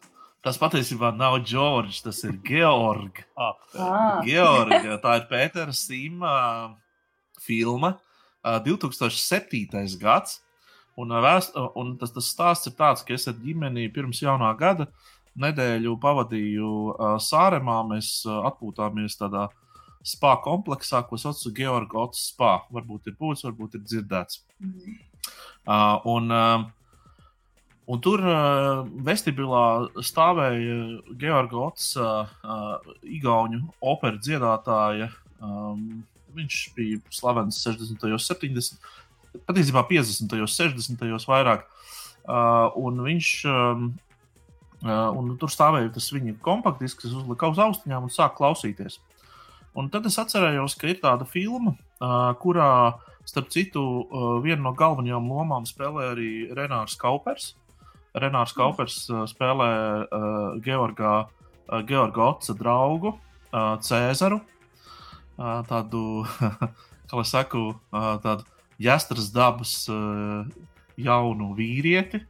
Uh, ja, uh, un, un, un, un tā. Nojauši, jāstras dabas jauts. Jāstras dabas jauts vīrietis ir, uh, jā, hedonists visās izpausmēs. Uh, un uh, viņš ir nu, arī Georga, Georga draugs, un tajā viņa, viņa tajā apnu, kā saka, circle uh, vidē. Uh, un ir, šis ir stāsts par Georga Otsa dzīvi. Uh, protams, ka depresijaks, protams. Uh, un, uh, un kāpēc tā? Tāpēc, ka, kas tur, jā, tur ir ziema, tur ir augstums, tur ir uh, izsūtīšanas, tur ir, uh, tur ir uh, nu, kā saka, karš, uh, iesaukšana armijā, jauna mīlestība, ciešanas šīs jaunās mīlestības dēļ. Tad visi tie uh, slavas uznācieni, ja, kas ir Padomju Savienībā, ko nozīmē slava. Ja, tāds ļoti lab, labs, labs, labi atrādīts. Un, protams, kas man ļoti patika, dzīve uh, padomju Igaunijā. Jo tā kā es pats esmu četrus gadus nodzīvojis Igaunijā, man, man protams, ļoti interesē viss, kas uh, ir par un ap Igauniju. Tā kā jā, iesaku noskatīties. Nu, uh, patiesībā jūs viņu nekur nedabūsiet. Jums ir jāmeklē kaut kur, es nezinu, kādās internetu zīlēs. Man vienkārši bija DVD saglabājies no vecām dienām. Jā. Bet jā, jūs... zvanīt Renāram, klausies, jāzvanīt Renāram, jāprasa. viņam kaut kas tāds. Šaubos, vai viņam ir tā filma. VHS formātā vai ne? Nu, labi, tad nu mana kārta pienākusi depresņakā. Nu, lūk, Reku arī Galmanī Kalmanī ir galvenajā mhm. lomā. Un šis ir tāds, kā saka, tumšais zirdziņš. Šis bija gan Sky Original kanālam, gan HBO, kurš ņēmis līdzdalību visā šajā. Neviens īsti nezināja, ko gaidīt. Informācijas bija baigi maz. Uh, Bet tad, kad iznāca, nu neviens nav vīlies. Uh, Landscapers, uh, kas tad ir? Principā tur nav tik daudz par to stāstu, jo to visu jau trailerī tev pasaka. Tātad, kas notiek? Kādā sētā uh, atrod uh, divus vecus cilvēku mirstīgās atliekas apraktus. Nu, pārīts pats ir pieteicies, kā. Nu, mm, ka, ka viņi kā to esot tur līdzvainīgi visā tajā, bet viņi to nav darījuši. Viņus notiesā uz 25 gadiem, sēžīgi vēl tagad, notiesāja viņu 2014. gadā. To visu uzzina burtiski pirmajās minūtēs, un tur vairs nav nekā tāda, nu, tur nav vairs, kā saka, tā, tā, tā, tā kas attīstība. Attīstība, attīstība. Bet ir, un viss ir baigi forši, jo viņi vēl joprojām uzskata, ka viņi ir nevainīgi, ka viņi nav vainīgi pie vis tā, ka viņas izprovocēja. Kas un kā bija, kādēļ motīvi tas atklājās šajā miniseriālā. Tam ir tikai četras sērijas, katra par apmēram 40 minūtēm. Nu, un viss spēks ir vizuālajā. Tā kā lai nu man tagad, tad nākamreiz, kad es dzirdēšu kādu žēlojamies eh, kaut kur, kā, jā, nu, redz, viņiem jau ir daudz naudas, mums jau nav naudas, mēs tā, tā, tad te arī izskatās, ka ir īstenībā salīpināts, kā saka, no sūdu un no puļķīšiem tas seriāls. Bet bet kā tas ir vizuāli pasniegts, kāda ir vizuālie risinājumi, kādas ir vienkārši idejas, kā to visu var pasniegt. Un, nu, protams, bez naudas baigi to nevarēs izdarīt, bet nu, tā kā lai tagad man eh, nestāsta, ka, oi, mums nebija naudas, mēs nevarējām izdarīt. Iesaku tās sērijas. Latvijas Universitātes sociālo zinātņu fakultāte arī to varētu uzfilmēt. Ja? Mierīgi, jā, mazliet, mazliet pieaicināt kādu mums zināmus uh, cilvēkus no, no, no, no, no, no kino industrijas, kaut ko, kas mazliet zina elementārs specifiks vai kāda kombinācijas un, un tā tālāk. To viss ir tiešām tajā fantastiskajā idejā, tajā pasniegšanas veidā. Nu, un pats stāsts arī ir īstenībā daudz interesantāks nekā, nekā varbūt uh, to, to, to pirmo reizi izlasot, uh, liekas, par ko tur varētu būt. Jo noskatoties uh, traileri, zina, ir vesela kategorija tādu cilvēku, kas noskatās trailerus, viņiem viss ir skaidrs, viņi jau uzskata, ka filma vai seriāli redzējuši, jo tur viss ir pateikts. Un daudz arī grēko traileros vienmēr pasaka jau pašu to, to, to visu svarīgāko. Bet šis ir tieši tas vizuālās valodas spēks, tā kā tas ir baigi forši. Un... Tālāk, iesaku Landscapers. Vai tas ir balstīts uz patiesiem notikumiem? Tas ir uz patiesiem notikumiem balstīts. Tas yes. arī ir jau. Es tad skatīšos. Tas ir, tas ir interesanti. Man patīk tāda trauma. Jā, tā kā iesaka, jā.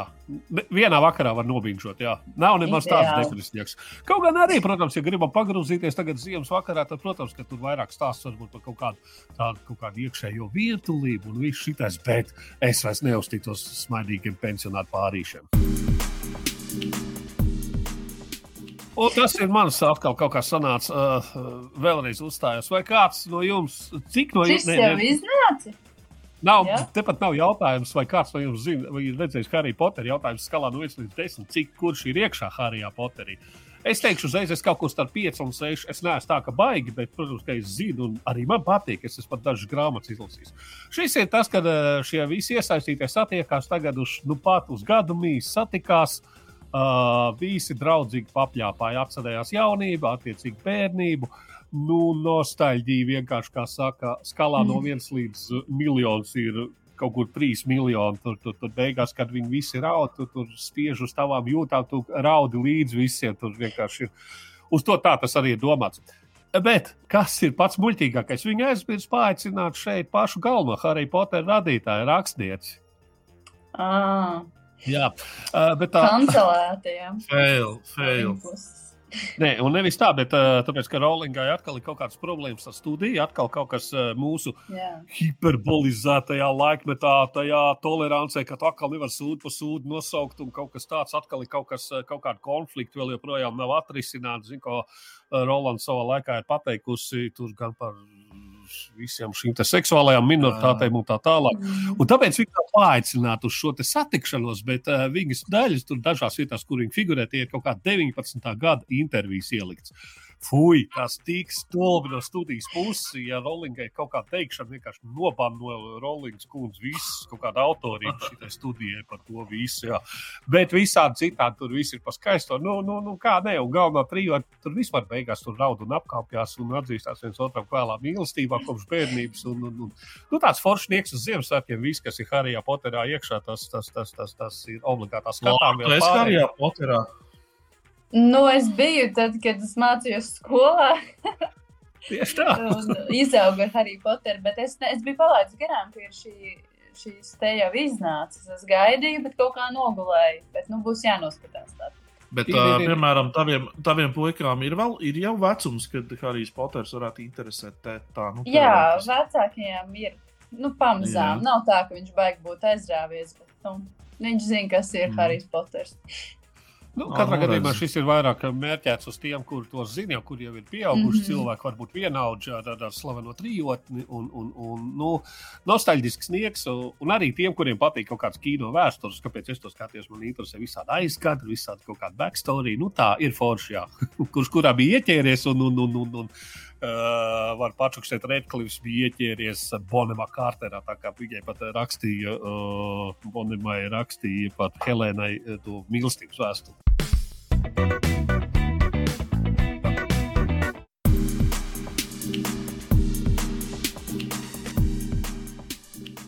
Jā. Par klausāmajām lietām. Sākam. Oi, klausāmies. Oh, es ceru, ka es esmu trāpījis Vispirms pareizi. par vai ne? kaut ko kvalitatīvu, jā. Jā, Jā, un pēc tam par nekvalitīvu. Ok, tā kā nu, es, saku, es nedēļu esmu prom no Latvijas, un nav tā, ka man būtu baigi daudz bijis laika vienai pašai kaut kur būt un klausīties, un, un baigi baudīt jaunu mūziku un podkāstus, kā tas ir esot Rīgā. Uh, bet šis ir viens podkāsts, kur es sāku klausīties īsi pirms jaunā gada, un nu, jau kaut kāds desmit epizodus esmu noklausījusies. Uh, vai kāds no jums ir dzirdējis kaut ko par šo? vēl Nē. Tad īsumā formāts ir tāds, ka katra podkāstu epizode sākas ar telefonu zvanu kādam, kurā tur ir kaut kāds jociņš un tā. Un tad ir lielais stāsts, uh, un katrā no, katrs no stāstiem ir par kādu citu cilvēku. Un, uh, piemēram, ieskicēšu vienu epizodi, lai jūs saprastu, apmēram, kā uh, podkāstu vadītājam ir draugs, kuram ir baigais cepiens par to, ka kaut kad viņš ir draudzējies ar mobīlu mūziķi. Un viņš ir aizdevis mobīļiem kaut kādus diskus, kurus viņš nav atdevis 20 gadus viņam atpakaļ. Un viņš visu mūžu, viņš katrā vakariņās par to stāsta. Un, un viņam īstenībā ir baigais pārdzīvojums par to, ka, nu, ka, ka viņš arī kādreiz gribēja būt mūziķis, un viņam īsti nesanāca kļūt tādam, kāds ir mobīls. Un tad viņš par to ar tiem diskiem visu laiku pārdzīvo. Un man tas vadītājs saka, nu, vai ejam šito nokārtot, nav ko te vēl 20 gadus par to runāt, zvanam mobīļiem, braucam ciemos. Un viņi arī aizbrauc pie mobīļa. Un uh, ir arī ierakstīta tā saruna ar mobīlu un par tiem diskiem. Tur Glabājoties kaut kur, tur Anglijā, ne tur, kur viņš tagad dzīvo. Un kad jā, jā atdošot, un, un kad ir tā satikšanās, un ka tam cilvēkam, kas tas heavy veids, kā podkāsts pamatā, kad ir nu, tas akmens no sirds ir novēlies, ka viņš ir izrunājis to. Un tā ir katrā epizodē. Ir sāpīgāks, ir tāds, kur tiešām ir man pat raudiens nāk, un ir tāds smieklīgāks, ka, ka tas mērķis ir epizodes laikā aiziet un atrisināt to problēmu, kas ir bijusi cilvēkam jau Wow. gadus. Jā, Cik šis izklausās? Bet iedomājies, kas tas ir par produkciju, Laura. Mhm. Iedomājies. Tāda plānošana, tāda ņemšanās, to tu nevari tā. Jā. Un viņš jau ir no 2016. gada, un uh, ir vēl joprojām jauns epizodes. Tā kā man vēl daudz ko klausīties. Jā. Tālu. Labs, Nu, ļoti labs. Kā es saprotu, to Džek, es vēl tagad atceros dažas grāmatas, ka, kas man ir pazudušas, un es pat zinu, kurā virzienā. un pār- Es ceru, ka ne manējā. Es ceru, ka ne Nē, nē, nē, manējā. tavējā nē. Tavējā nē. Ja tu gribēji teikt, teikt tā, tad sākam no tā kvalitīvā, un tad ejam tajā, tajā Jā, jā, jā, nu, Bet, jā. bet uh, es, uh, es gribēju aizstāvēt šos ceļus, jo tie ir no Norvēģijas. Brāļi, Ilvis, tas ir šovs. Ilvis Skira ir viņu laikam pilnais nosaukums, viņu, viņu uzvārdu. Um, un Vanagards un Bārts, divi, divi brāļi. Uh, ir arī trešais, bet viņš tur mazāk piedalās. Uh, un, un, un tas principā ir uh, televīzijas šovs, uh, kas sākās kā televīzijas šovs, bet tā kā viņi ir super talantīgi arī mūzikas jomā, tad uh, viņi uh, taisa arī visādas joku uh, dziesmas. Uh, viena no šīm joku dziesmām, es domāju, ka lielākā daļa skatītāju, klausītāju ir, uh, ir, ir, ir, ir zinām, tas ir par to, kā, ko, uh, kā, kā runā lapsa. Jā, jā. Jā, viss tā, tā, tā interneta padarīšana. Uh, bet kas ir interesanti, man piesaistīja uzmanību tas, ka pirmkārt, katra no tām viņu dziesmām ir tāda, kas varētu uh, Eirovīziju uzvarēt bez lielām sāpēm. Proti, viņi, viņi ir tik augsta līmeņa, uh, tas, tas, tas, tā, tā kvalitāte. Bet nu, viņi, run, viņi, protams, dzied tur pilnīgas muļķības. Nu, tās ir tās tā kā pilnīgi, nu, tā kā tu klausies un tu smejies skaļā balsī par to visu. Uh, kas, ir, kas ir, protams, jautri. Bet kā no otras puses uh, bija viena epizode, ja viena, viena no tām dziesmām, kur viņi video ir filmējuši, izrādās Rīgā.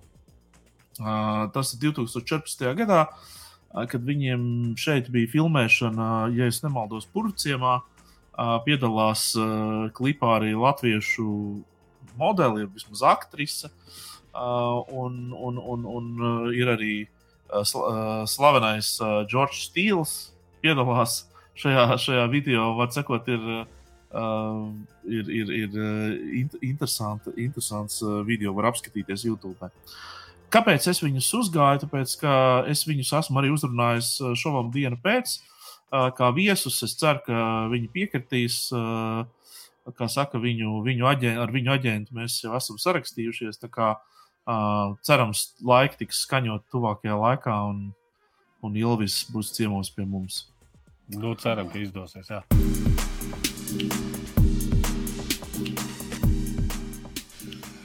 Labi, nu tad uh, noslēdzam.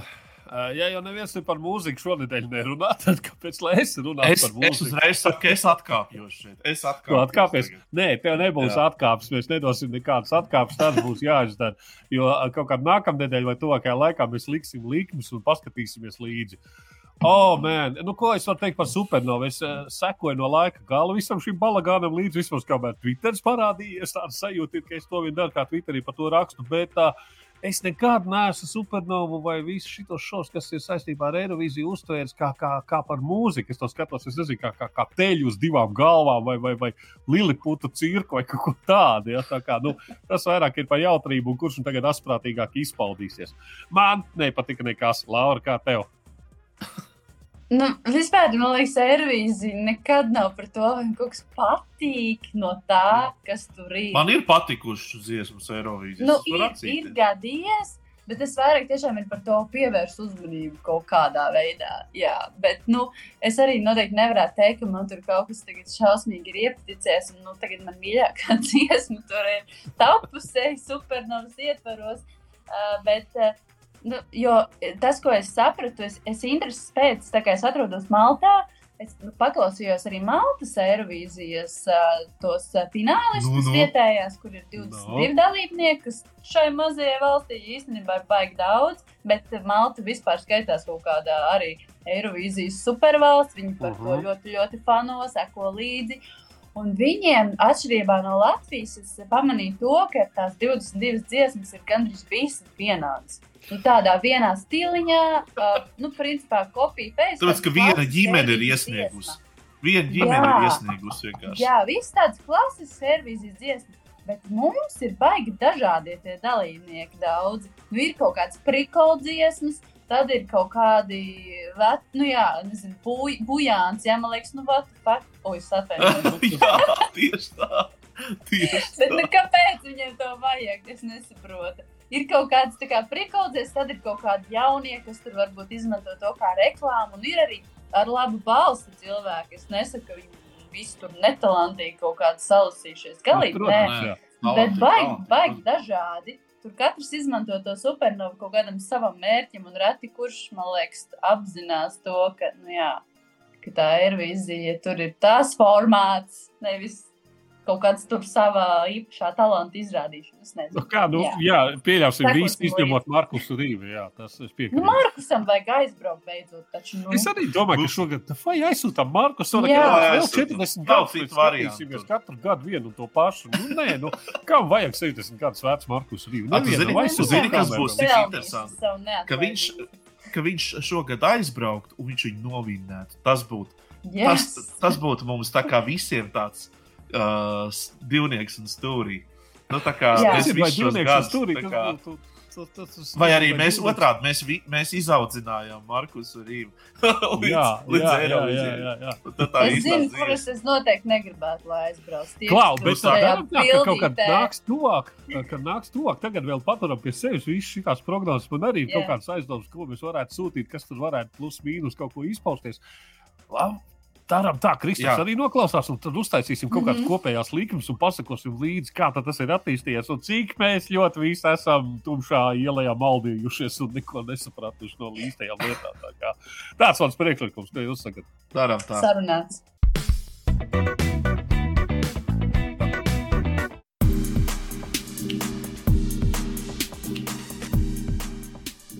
Par lasāmajām lietām. Nu, Laura, sāc tu. Nu, zini kā, es atzīšos, ka es neesmu izlasījis visu grāmatu, Viktoru otro grāmatu, Viktoru Freiberga, uh, jo mans plāns bija, uh, es viņu iegādājos projektu bankā, kad bija šis, šī iespēja jau iegādāties pirms grāmata tika izdota, jo es gribēju atbalstīt, un man šausmīgi patīk Viktors Freibergs un vispār viņa personība. Uh, es, es vēl pērnā gada nogalē devos uz pāris lekcijām pie viņa kino skolā.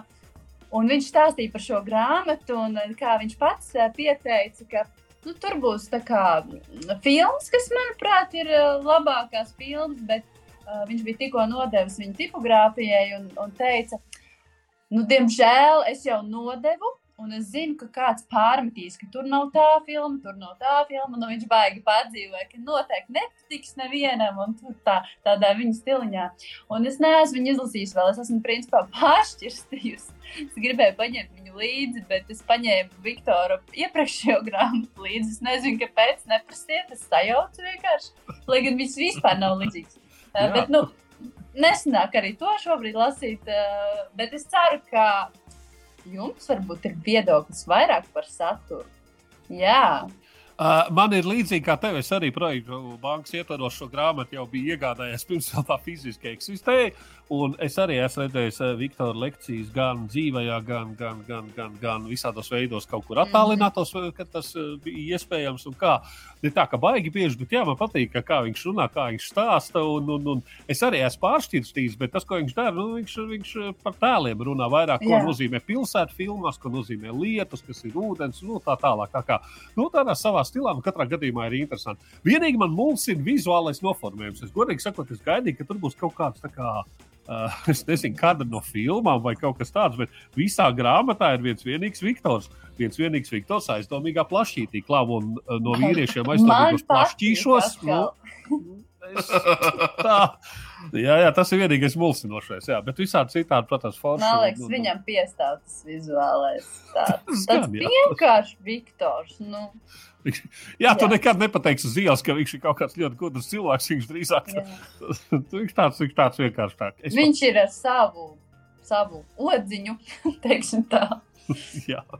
Jā. Un tās filmas jānoskatās, ko viņš tur piemin noteikti. Tāpēc to grāmatu jau arī var tā lēnām šķirstīt un lasīt. Es domāju, tas novedīs pie tā, ka tajā letterboxā man būs jāuzstājas vēl viena līnija, kur būs Viktora grāmatā piesauktās filmas. bet Tieši Tur, ves- tur, tur būs atkal dienas, divas jāpavada visu to apkopojot. Mm.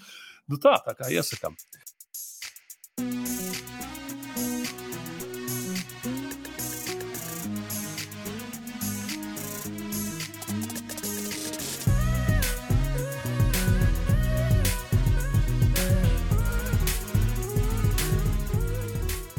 Tā, labi, nu tad uh, es domāju, tad uh, ieviešam mūsu jauninājumu uh, par ēšanu un dzeršanu. Un tā kā tu, uh, Laura, esi šobrīd uh, citā valstī, uh, Maltā, kā mēs noskaidrojām, tad noteikti tu esi baudījusi kaut kādus gardumus un, un, un, un foršus, foršus uh, dzeramos.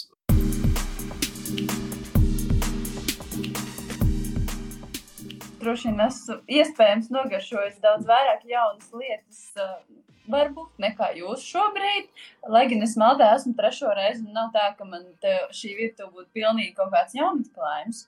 Bet man galvenie secinājumi. Uh, ja es iepriekš braucu te uz, teiksim, trīs dienām un ēdu, ko gribu, un vispār vienalga, tur 3000 kalorijas, 5000 dienā, bet ja tu atbrauc uz desmit dienām, Tu nevari katru dienu ēst tās maizītes, ko viņi pārdod. Tas ir mans galvenais secinājums. Jo um, uh, Maltā ir ļoti liela Sicīlijas ietekme virtuvē arī. Viņiem ir savas vietējās konditorijas izstrādājumi, filo mīkla, pildīti tur arī kotas sieru vai, vai zirņiem, vai gaļām sēnēm, un, un viss tāds eļļā, eļļā cepts, tāds riktīgi tāds ciets un kraukšķīgs. Un uh, man tās maizītes, nu, ir ok, kā kura.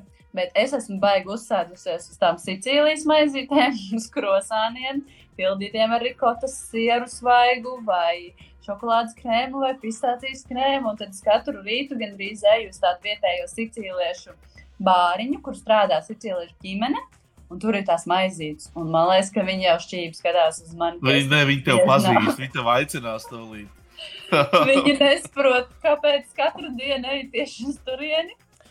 Bet jā, es nespēju attikties. Un man ļoti man pietrūks, man pietrūks tie krosāni. Bet tas ir tiešām no Sicīlijas virtuves. Vai man arī jāstāsta par dzērieniem? Izstāst gan, jā. Par dzērieniem. Nu, no virtuves vēl tas, ka ir jūras veltes, protams, te ir uh, superīgs piedāvājums, un es pārsvarā gatavoju mājās, jo esmu ar bērniem šeit, un viņiem nepatīk uzvesties labi kafejnīcās. Līdz ar to pārsvarā gatavoju pati. Uh, bet izmantoju to, ka ir uh, jūras veltes uh, lielā klāstā un svaigas, un tās arī pārsvarā tiek gatavotas. Un no dzērieniem, uh, tad, kad pirmo reizi biju Maltā, pirms gadiem, uh, nezinu, deviņiem laikam, uh, tad man bija jaunas klājas maltas vīns. Es nezināju, ka tāds eksistē. Bet ir maltas vīns, vai kādam no jums ir sanācis dzert?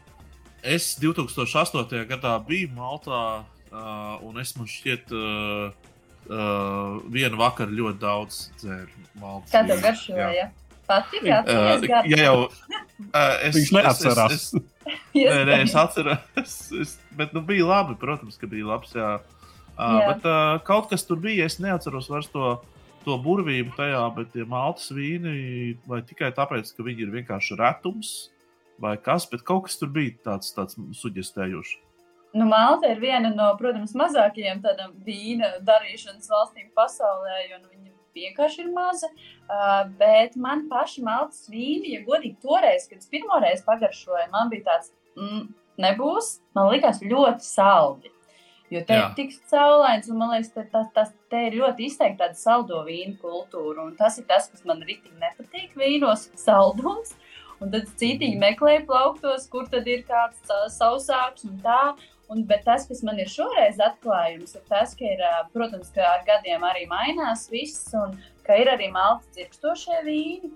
Bet uh, es nerunāju par tiem saldajiem un lētačiem, jo ir pat 3 eiro. Principā malts vīnu var dabūt 3-4 eiro. Tādu, Jā. tādu standartu mājas vīnu, arī dzirkstošo. Viņi visi ir paši saldeni.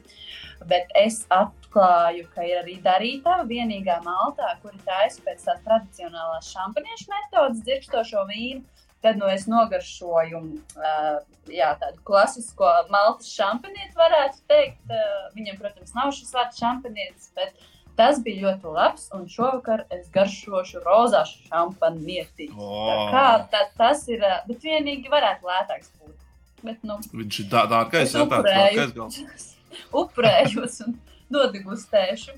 Tas, tas man patika, jā. Tā kā ir arī Mm. kaut kas jauns un labs nogaršots. Vai kā tu sakārdināji man, jo es atceros uh, toreiz no tā, ka es biju baigās sajūsmā par, uh, par augļiem, visiem augļiem, kas tur bija, un kurus uz ielas arī pārdeva. Mhm. Un es laikam toreiz, nu, es jau it kā nevarētu teikt, ka es būtu maz ceļojis, bet toreiz man šķiet, ka es tā pirmo reizi atklāju to dienvidu augļu patieso nu, su sulīgumu. Jo laikam līdz tam laikam es nebiju neko tādu baudījis. Nu, vienkārši, zin kā, dzīvojot šeit, tu jau, tu jau īstenībā līdz tevīm jau te nekas nenonāk. Tād, tāds, Nu, tāds, nu, lokālie mandarīni, jā, un tādas lietas. Bet eh, Latvijā ir savējie, kas ir mums labāki savukārt.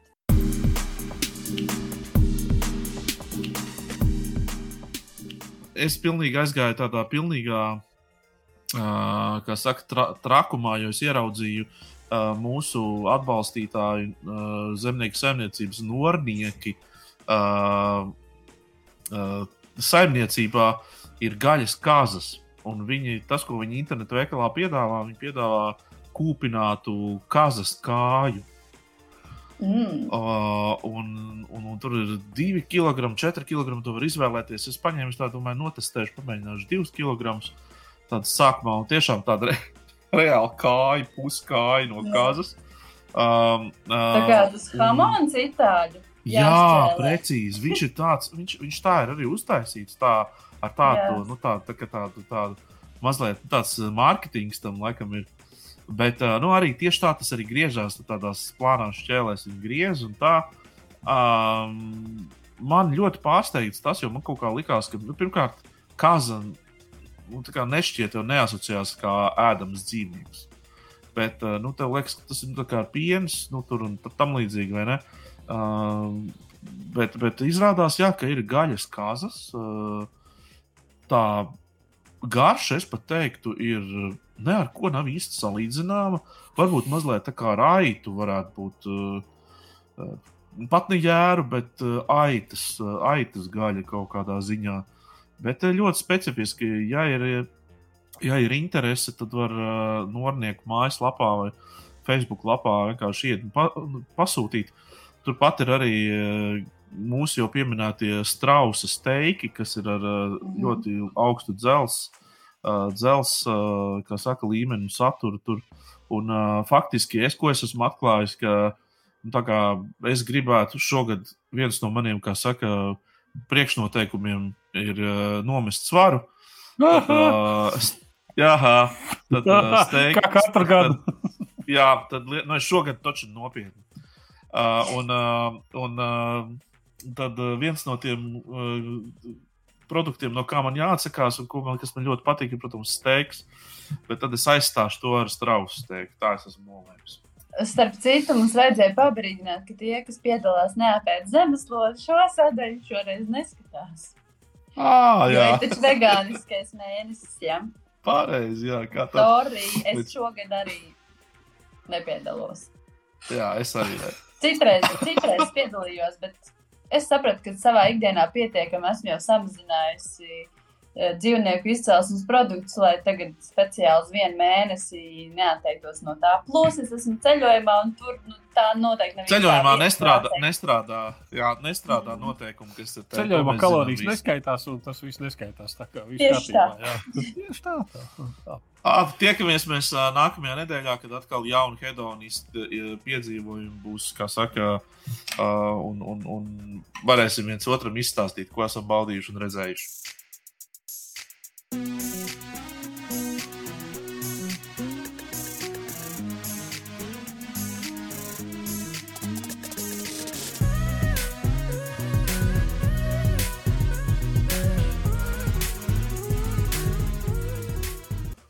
Ak, Eglīt, man pietrūkst tie laika. Mēs varētu tā ņemt, aizbraukt uz Maltu vai uz kaut kādu Spāniju, atkal uz kaut kādu Izrēlu vai kaut kur. Un tad sēdēt, teiksim, un uh, sa, sa, vētru pret sauli. Un tad tā ēst šampanieti. dzert vīnus un uh, ēst, ka- ēst zoles, tur kurpju solis un, un, un stāstīt, kā tas viss, cik forši izskatās un izklausās. Jā, Ot, kā man pietrūkst šie laiki. Tas, tas, tas būtu jauki. Nu, ja tu runā par zoļiešanu, tad, ja turpināsies tāda inflācija, kāda tā ir paredzēta, tad drīz mēs ēdīsim veco kurpju zoles. Tā kā tur mēs tajā līmenī. Starp citu, runājot par inflā, inflāciju un visādām šādām lietām, pavisam drīz ir iecerēts viens, kas saka, ekonomiski uh, noskaņots uh, raidījums un šovs. Mēs pagaidām neko plašāk nestāstīsim, bet mēs tur arī esam iesaistīti uh, kā diena pēc uh, un, un, un tā. Un kaut kas iespējams februārī šķilsies. Tā kā mēs ne tikai uh, murgosim par, uh, par, par uh, so- sociāli politiskām lietām, bet šo to, kā saka, arī par ekonomiku. Mēs Ā, pieslēgsimies arī ekonomikai, kāda jau Jā. jau ir. Jo ekonomika sen to bija pelnījusi. Viņi Jā. mūs gaidīja. Jā, tieši tā. Labi, mēs tiekamies pēc nedēļas, un tad ceru, vismaz, ka tas ledus būs tajā mārupē nokusis. un Ka tie cilvēki Jā. būs tiks ārā no tiem grāvjiem. Jā, savādāk būs jāiet ārā ar kartonu gabaliņu, jāprotestē. Ziema, ej mājās, un ziema parasti klausa, nu tā ap māju beigām, bet pagaidām čau.